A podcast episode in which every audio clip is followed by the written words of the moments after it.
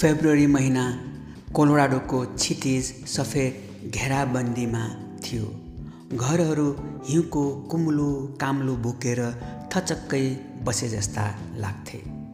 छानामाथि हिमाल र हिमालको छेउछाउबाट उडेका बाफ धुवा जस्तो पुतपुताइरहेको देखिन्थ्यो।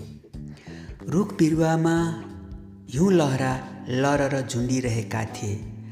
आकाशे बादल जमिनमा ओर्लिएर भुइँ ढाके जस्तो गरी सबथोक सेताम्मे थिए। मान्छेहरू हिउँ मान्छे जस्ता भएका थिए। फुलका बोटहरूमा फुल होइन चाँदी फुले जस्तो देखिन्थे। सडकहरूमा गाडी होइन हिउँका ढिस्का गुडे जस्तो लाग्थ्यो। भने आकाशको रङ पनि निलो नभएर सेतोमा परिवर्तन भएको प्रतीत हुन्थ्यो। पोखरीमा पानी होइन हिउँ जम्न थालेको थियो। खोलाहरू बग्न बिर्से जस्ता रनभुल्ल देखिन्थे। जङ्गलका चराचुरुङ्गी मृग बाघ भालु आदि जनावरले पनि सेतो चोलो फेरेको भान हुन्थ्यो। सडक जमिन सबै कपास टाँसे जस्ता सेता बालबच्चाहरू हिउँमा कहिले हिउँ मान्छे बनाउँदै र भत्काउँदै रमाइरहेका थिए भने वृद्धहरू आफ्ना बालबच्चा हिउँ खेलेको हेर्दै आनन्दित थिए। बत्तीका रङ्गीन ज्योतिले चमक थपेको थियो। आकाशका ताराहरू हिउँमाथि पोखिएर एकैसाथ नाचिरहेको अनुभूति हुन्थ्यो। प्रकृति आफ्नै सुरम्य लयमा थियो। हुनसम्म सुन्दर थियो सेताम्मे कोलोराडो। चिसो आकाश मुनि बादल ओढेर एक तमासले सुतिरहेको थियो कोलोराडो। बाक्ला लुगा लगाउँदा पनि कता कता न्यानोपनको कमी महसुस हुन्थ्यो। बाहिर निस्किन सक्ने अवस्था थिएन। जति निस्किएका थिए बाध्यताले मात्र निस्किएका थिए। निस्कनै पर्ने भएर निस्किएका थिए। उनीहरू पनि लुगलुग कामिरहेका देखिन्थे। त्यसमाथि झन लगातार हिउँको झरी परिरहेको थियो। घरहरू रुखहरू बाटाघाटा सबै सबै हिउँको पछ्यौडी ओढेर बसिरहेका देखिन्थे। विगतका वर्षहरूको तुलनामा यस वर्ष अधिक हिउँ परेको ठहर मौसमविदहरूले गरेका थिए। उनीहरूकै भनाइअनुसार मौसम परिवर्तनको कारण तापक्रम उच्निच भएको थियो। अघिल्ला वर्षमा कम हिमपात भए तापनि एकाध वर्ष यता बाक्लो हिउँ परिरहेको थियो। हरेक चौक गल्ली पार्किङ लट लगायत जताततै हिउँ नै हिउँको पहाड देख्न पाइन्थ्यो। ती पहाडहरू हेर्दा नेपालका अन्नपूर्ण माछा पुछ्रे आँखा अघि उभिए चाहिँ पाहनुहुन्थ्यो सुरु सुरुमा हिउँ पर्दा रमाइलो लाग्थ्यो। हिउँका डल्लासँग खेलिन्थ्यो। त्यति बेला ठ्याक्कै बाल्यकालमा भकुन्डो खेलेको सम्झना आउँथ्यो।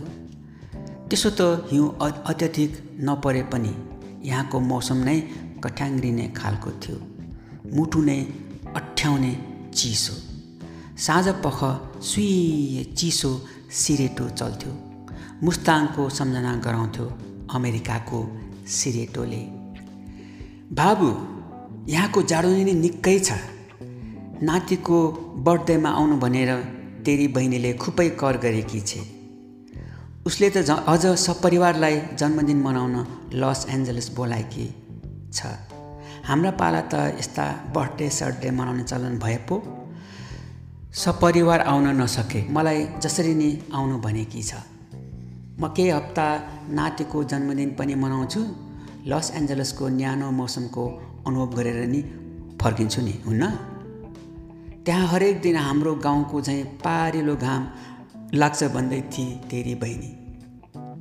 फेरि यो वर्ष त पटक्कै हिउँ परेको छैन रे। उमेरमा झन्डै सत्तरी पुगेकी आमाको आग्रहलाई नाइ नास्ति गर्न सजिलो थिएन विनयलाई। दम र उच्च रक्तचापकी रोगी आमालाई चिसो मौसमभरि निकै कठिन हुन्छ। गत वर्षदेखि उनमा मधुमेह पनि देखिएको थियो। आमाको प्रस्तावबारे विनयले श्रीमती जमुना र बासँग छलफल गर्यो। श्रीमतीलाई आमाको प्रस्ताव उचित लागेन। सत्तरी वर्ष पुग्न लागेकी बुढी मान्छे त्यसमा पनि दम उच्च रक्तचाप र मधुमेह छ। यति लामो यात्रामा कसरी पठाउने भनिसे हजुरले। बिच बाटोमा तलमाथि के भइहाल्यो भने के गर्ने? गाउँघरका जस्ता हिँडिरहेका बाटा चिनिरहेका मान्छे पनि होइनन् यताका। कि त साथमा कोही न कोही पठाउनु पर्छ नत्र समस्या हुनसक्छ श्रीमतीको कुराले विनयलाई दोधारमा पार्यो। तर उनको कुरा गलत थिएन। त्यसपछि उसले आमासँगै बालाई पनि पठाउने प्रस्ताव राख्यो। बा अलिक हृष्टपुष्ट थिए। काम चलाउ अङ्ग्रेजी भाषा पनि जान्दथे। आमाको स्वास्थ्यबारे राम्रो ज्ञान थियो। त्यसैले बा आमा दुवैलाई पठाउनु उचित ठान्यो। उसले सोच्यो चाडोले बालाई पनि सताएको छ। दुई हप्ता न्यानो हावापानीमा घुमेर आउँछन्। छोटो छुट्टी पनि हुन्छ। नौलो ठाउँमा रमाइलो अनुभव पनि हुन्छ। विनयले बा आमा दुवैका लागि हवाई टिकट लियो। केही दिनपछि अमेरिकन एयरलाइन्सबाट उनीहरू सरर लस एन्जलस पुगे। बा आमालाई भेट्न पाएर छोरी दङ्ग परिन्। अघिल्लो वर्षको दसैँपछि भेट हुन नसकेका आफ्ना बा आमालाई भेट्न पाएपछि छोरीको खुसीले आकाश छुन पुग्यो। बा आमा लस एन्जलस गएपछि विनयको घर सुनसान भयो। घरको शोभा बा आमासँगै लस एन्जलस गए जस्तै लाग्यो उनीहरूलाई। बलिरहेको दियो कसैले फुकेर निभाए जस्तो भयो घर। विनयलाई आफ्नो घर घर जस्तो लागेन। बा आमा बिना भान्सा सुनसान आँगन सुनसान फुलबारी सुनसान सबैतिर सन्नाटा। बाआमा बिना त घरै खल्लो हुने रहेछ है जमुना? उसले जमुनालाई भन्यो छोराछोरीले पनि हजुरबा हजुरबामा बिना खल्लो मानिरहेका छन्। उता सासु ससुरको उपस्थितिले ज्वाइँ पनि खुसी भए। जन्मदिन मनाउन छिमेकी इष्टमित्र श्रीमतीका साथीहरू र उनका सहकर्मी डाके। सयभन्दा बढीको उपस्थितिमा जन्मदिन मनाउने कार्यक्रम बन्यो। कार्यक्रम चाहिँ हिमालयन किचनमा गर्ने निर्णय भयो। बा आमा लगायत त्यहाँ उपस्थित सबैले केक खाएर खुसी मनाए। खुसी साटासाट गरे। यसरी परदेशमा नातिको जन्मोत्सव धुमधामसँग मनाउन पाउँदा उमेर ढल्कँदै गएका बा आमाको पनि खुसीको सीमा रहेन। खुसीले ओतप्रोत भए उनीहरू। जीवनमा यति ठुलो र भव्य बर्थडे पार्टी पनि पहिलोपटक देखेका थिए बा आमाले सर्लक्क परेको तारी जस्तो फराकिलो फाँटमा ज्वाइँ छोरीको आलिसान भवन ठिङ्ग उभिएको थियो। भवन अगाडि सुन्दर बगैँचामा फुलिरहेका रङ्गी फुलहरू एक छेउमा पार्किङ गरिरहेका चिल्ला गाडी भव्य र विलासी रहन सहन पुरै यस आरामको जिन्दगी। हाम्रो पाला त गाडी पनि देख्न पाएन। बाले आफैसँग गुनगुनाए हिँडेरै काठमाडौँ पोखरा र ठोरी जानु पर्थ्यो त्यो पनि हप्तौँ लगाएर। ठोरीबाट फर्किँदा सकि नसके वर्ष दिनका लागि पुग्ने गरी डोकाभरि नुन तेल मट्टी तेल मरमसला लिएर फर्कनु पर्थ्यो। हिजो आज त घर घरै पसल पुगिसके घर घरै गाडी पुगिसके गाउँमा नि घमाइलो र न्यानो थियो त्यहाँको मौसम। त्यसमाथि ज्वाइँ छोरीको भारी सत्कार। दुई हप्ता पुरै आनन्दमय ढङ्गले बित्यो बुढाबुढीको। उनीहरूको फर्कने दिन नजिकिँदै आयो। लस एन्जलसको दुई हप्ते बसाइमा आमालाई स्वाँ स्वाँ कहिले अनुभूति भएन।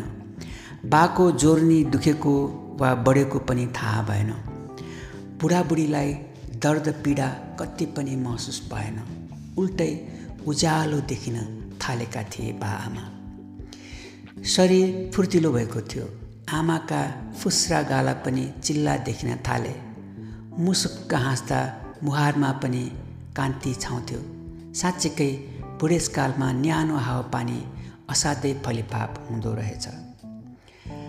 बा आमामा देखिएको सकारात्मक परिवर्तनले आफैसँग बस्न जिद्दी गरेकी थिए छोरी। एक किसिमबाट फर्कन नपरे हुन्थ्यो भन्ने लागिरहेको थियो उनीहरूलाई पनि। तर न बुढाले भन्न सके न बुढीले। अझै केही दिन बस्ने चाहना हुँदाहुँदै पनि ज्वाइँ छोरीलाई दुःख दिनुहुन्न भन्ने नेपाली परम्परा सम्झे उनीहरूले। अन्तत उही अमेरिकन एयरलाइन्सको फिर्ती टिकटमा आकाश मार्ग हुँदै छोराको घर फर्किने भए।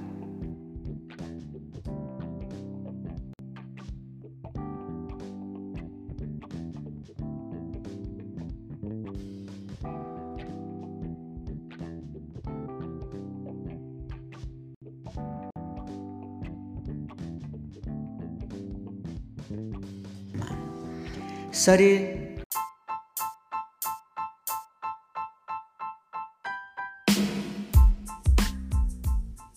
पदम विश्वकर्माद्वारा लिखित क्वारेन्टाइन भाग दुई नातिको जन्मदिन मनाएर बिनेका बा आमा सकुशल कोलोराडो फर्किए सँगसँगै बिनेको घरमा फेरि खुसीको दियो बल्यो दुवैजना घरमा नहुँदा विनय उसकी श्रीमती लगायत सबैलाई नरमाइलो लागिरहेको थियो।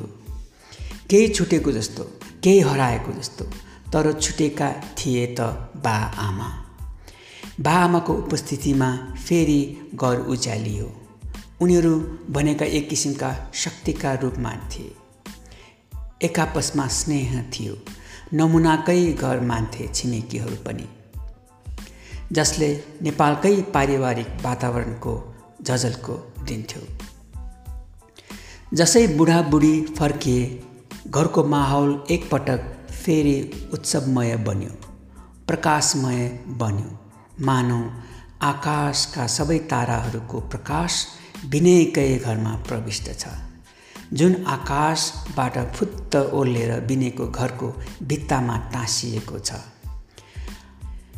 हप्ता दिनपछि आमालाई हल्का खोकीले सुमसुम्याउन सुरु गर्यो। चिसो मौसमका कारण यस्तो भएको हुन सक्ने आशंका घर परिवारले गरे। पुरानै शैलीमा जिरा अदुवा बेसार राखेर उमालेको पानी खान दिए। आमाको इच्छा अनु अनुरूप घरायसी उपचार विधि अपनाइए।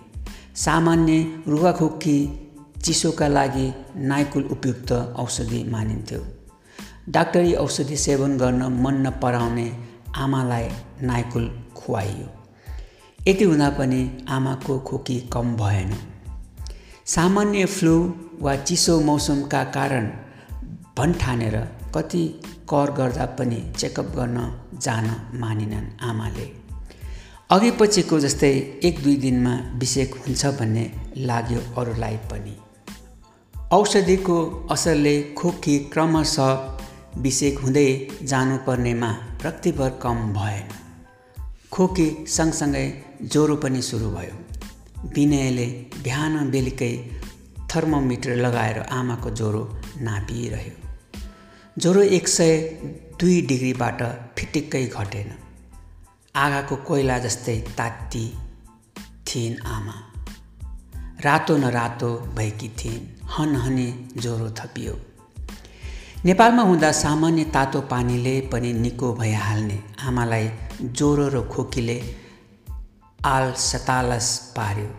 अस्ताउनै लागे कि जुन जस्तै आमाको हालत देखेर उनीहरू आत्तिए धर्मराए। अब यत्तिकै हो आमाले श्वास गर्दै भने माथि जाने बेला भयो जस्तो छ। जब जब आमाको खोकी बढ्दै जान्थ्यो फोक्सो बेलुन जस्तै फुक्क फुलेर आए जस्तो लाग्थ्यो। लामो लामो सास फेर्थिन्। स्वाँ स्वाँ पनि एकैचोटि बढेर आउँथ्यो। बिने अधीर बन्यो। उसले आमाको यस्तो अवस्था देखेपछि अस्पताल जाउँ भनेर कर गर्यो तर आमाले पटक्कै मानिनन्। अमेरिकामा नयाँ खालको रोग देखा पर्यो। मान्छेहरूमा अकस्मात ज्वरो आउने टाउको दुख्ने सास फेर्न कष्ट हुने लक्षणहरू देखिन थाले। भकाभक ओछ्यान परे। हैजा फैलेसरी हजारौँ हजार एकैचोटि थला पर्न थाले। जताततै खैलो बैलो मचिन थाल्यो। के भयो र कसो भयो भन्ने आशंकाले जनता पनि त्रसित हुन थाले। सामान्यतया रुगाखोकी लाग्दा ज्वरो आउँदा यहाँ अर्जेन्ट केयर जाने गरिन्छ। बिरामीहरू जतासुकै छरिएका थिए। अर्जेन्ट केयर वा इमर्जेन्सी पनि जान डरलाग्दो भयो। विनयले अस्पतालमा फोन गर्यो। डाक्टरले आमाका लक्षणहरू र उनको स्वास्थ्य विवरण सोधे। सामान्य ज्वरो रुगाखोकीमा मात्रै भर्ना गर्न नमिल्ने डाक्टरले बताए। यता आमाको स्वास्थ्य भने दिनानुदिन नाजुक हुँदै गइरहेको थियो। अस्पतालले नै भर्ना नलिने भन्ने कुरालाई गैर जिम्मेवारीको पराकाष्ठा ठाने विनयले। उसले मनमा नै सोच्यो नेपालमा भएको भए तुरुन्तै नर्सिङ होम लैजान सकिन्थ्यो। बिस्तारै खोकीको लहर तन्किँदै गयो। छाती पनि दुख्दै गयो आमालाई। सास फेर्न गाह्रो भयो। सासका नली फुलेका हुन्की झैँ भयो। यसै त दमको रोगी ज्वरो र सास फेर्न गाह्रो भएपछि विनयलाई बालाई छटपट्टि बढ्यो। आमा दिनानुदिन जीर्ण बन्दै गएकी थिइन्। बाले छोरालाई एम्बुलेन्स बोलाउन आग्रह गरे। विनयले गहभरि आँसु लिँदै फेरि अस्पतालमा फोन गर्यो र आमाको स्थिति बतायो। आमालाई सास फेर्न पनि गाह्रो भएको बताएपछि अस्पतालले एमर्जेन्सीमा ल्याउनु भन्यो। एकैछिनमा साइरन बजाउँदै एम्बुलेन्स पनि आइपुग्यो। साँझको बेला विनय जमुना र नाता नातिनी सबै घरमै थिए। आमालाई एम्बुलेन्समा राखेर छोरा बुहारी एम्बुलेन्सको पछि पछि अस्पतालतिर लागे। बा पनि सँगै जान खोजेका थिए तर उसलाई थाहा थियो बा अस्पताल गए भने झन् बढी आत्तिन्छन्। नाति नातिनासँग बस्नुहोस् हामी आमालाई चेकअप गराएर आइहाल्छौँ उसले बालाई सम्झायो। छोराको यस्तो कुराले बाको पनि मन कुड्यो घरमा बसेका बाको मन आमासँगै अस्पताल पुग्यो तर घरमा मन अस्पतालमा।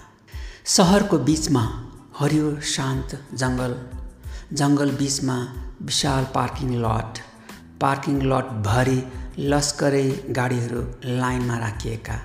पार्किङ लटको बिचमा विशाल भवन खडा थियो।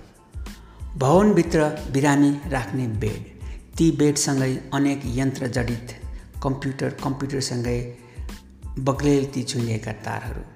नर्स डाक्टर तथा कर्मचारीहरू यता र उता गर्दै दौडिरहेका देखिन्थे। आमालाई इमर्जेन्सीमा भर्ना लिएको अस्पतालले विनय र जमुना केही आत्तिए जस्ता केही हडबडाए जस्ता देखिन्थे। मलिन थियो उनीहरूको अनुहार। विनय बेला बेलामा आँखाबाट आँसु पुसिरहेको थियो। आमाको स्वास्थ्यलाई लिएर भावुक बनेका थिए दुवै। आमालाई केही नहोस् छिट्टै सन्चो होस्। भनी मनमने भगवान्सँग प्रार्थना गरिरहेका थिए। विनयले मनमने मनकामना मायालाई सम्झिरह्यो।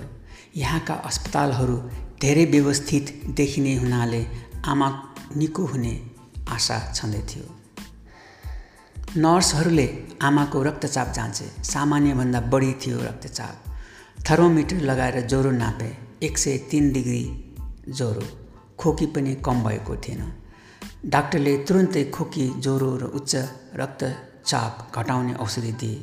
केही बेरमै आमाको ज्वरो खोकी र रक्तचाप मत्थर हुँदै गयो। आमा बौरिन थालिन्। खानपानको तलमाथिले गर्दा सुगर पनि ठिक अवस्थामा थिएन। छोरा बुहारीले एक आपसमा हेराहेर गरे। विनयलाई लाग्यो बेकार आमालाई लस एन्जलस पठाएछ। श्रीमतीले पनि दोष जति श्रीमानमाथि नै थोपरिन्। मैले त नपठाइस्यो भनेको त हुने। हजुरले कानमा बतास लाएछेन त्यस नसुन्दा आज आमाको यो गति भयो। आफ्नो जिद्दी छाड्ने भए पो कसैको कुरै नसुन्ने। विनयले मनमा नै आफ्नो गल्ती स्वीकारे तर जमुनालाई दिने उत्तर उसँग थिएन। परीक्षणका लागि भनेर नर्सहरूले राति नै आमाको रगत दिसा पिसाब निकालिसकेका थिए। यस्तै एक्सरे पनि राति नै भएको थियो। जतासुकै कोरोना भन्ने नयाँ खालको रोग फैलिएको हुनाले आमालाई पनि सङ्क्रमण हुन सक्ने आशंका गरेका थिए नर्स र डाक्टरहरूले। उनीहरूले रोग परीक्षण गर्नु भनेर आमाको दुवै नाकका पालमा कपासका सिन्का कोचेर स्वाब लिए। रातभर मनमा अनेक तर्कनाले गर्दा उनीहरूका आँखा पोलिरहेकै थिए। गतिलो निन्द्रा पनि कहाँ परेको थियो र घरिघरि झस्किन्थे कसैले बोलाए जस्तो ठानेर बिउजन्थे आमाको अवस्था कस्तो भयो होला भन्ने चिन्ताको पहिरो गइरहन्थ्यो। यस्तो तन्किएर मोबाइलमा समय हेर्थे अनि फर्केर आउँथे र अस्पतालको लबी रुमको उही सोफामा बस्थे फेरि उठ्थे। यसरी अर्धनिद्रामै उनीहरूको रात बितेको थियो। काँचो आँखामै अर्को बिहानको सुरुवात भयो। बिहान डाक्टर आमालाई हेर्न गए। त्यति बेलासम्म सबै रिपोर्ट आइसकेको थियो। डाक्टरले रिपोर्टको अध्ययन गरे।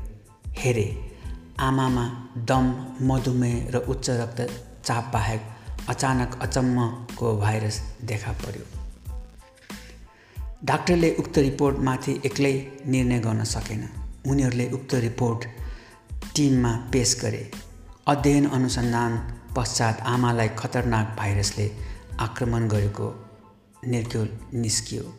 उनीहरूले आमामा कोरोना भाइरस सङ्क्रमण भएको घोषणा गरे। आमालाई कोरोना यो अपत्यारिलो रिपोर्टले विनय र जमुना दुवै झस्किए। च्वास सियोले मुटुमै कोपेको झैँ भयो।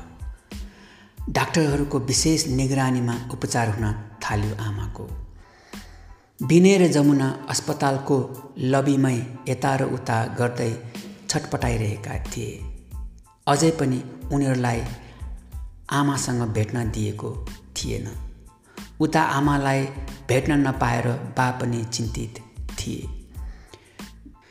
विश्व नै कोरोनाको चपेटामा परिसकेको थियो यतिखेरसम्म। चिन बेलायत इटाली लगायतका धेरै देशमा कोरोनाकै कारण करोडौँ मानिसको दैनिकी अस्तव्यस्त बनेको थियो। लाखौँ सङ्क्रमित देखिएका थिए। हजारौँले इच्छा विपरीत अल्पायुमै ज्यान गुमाउनु परेको चर्चा चलिरहेको थियो।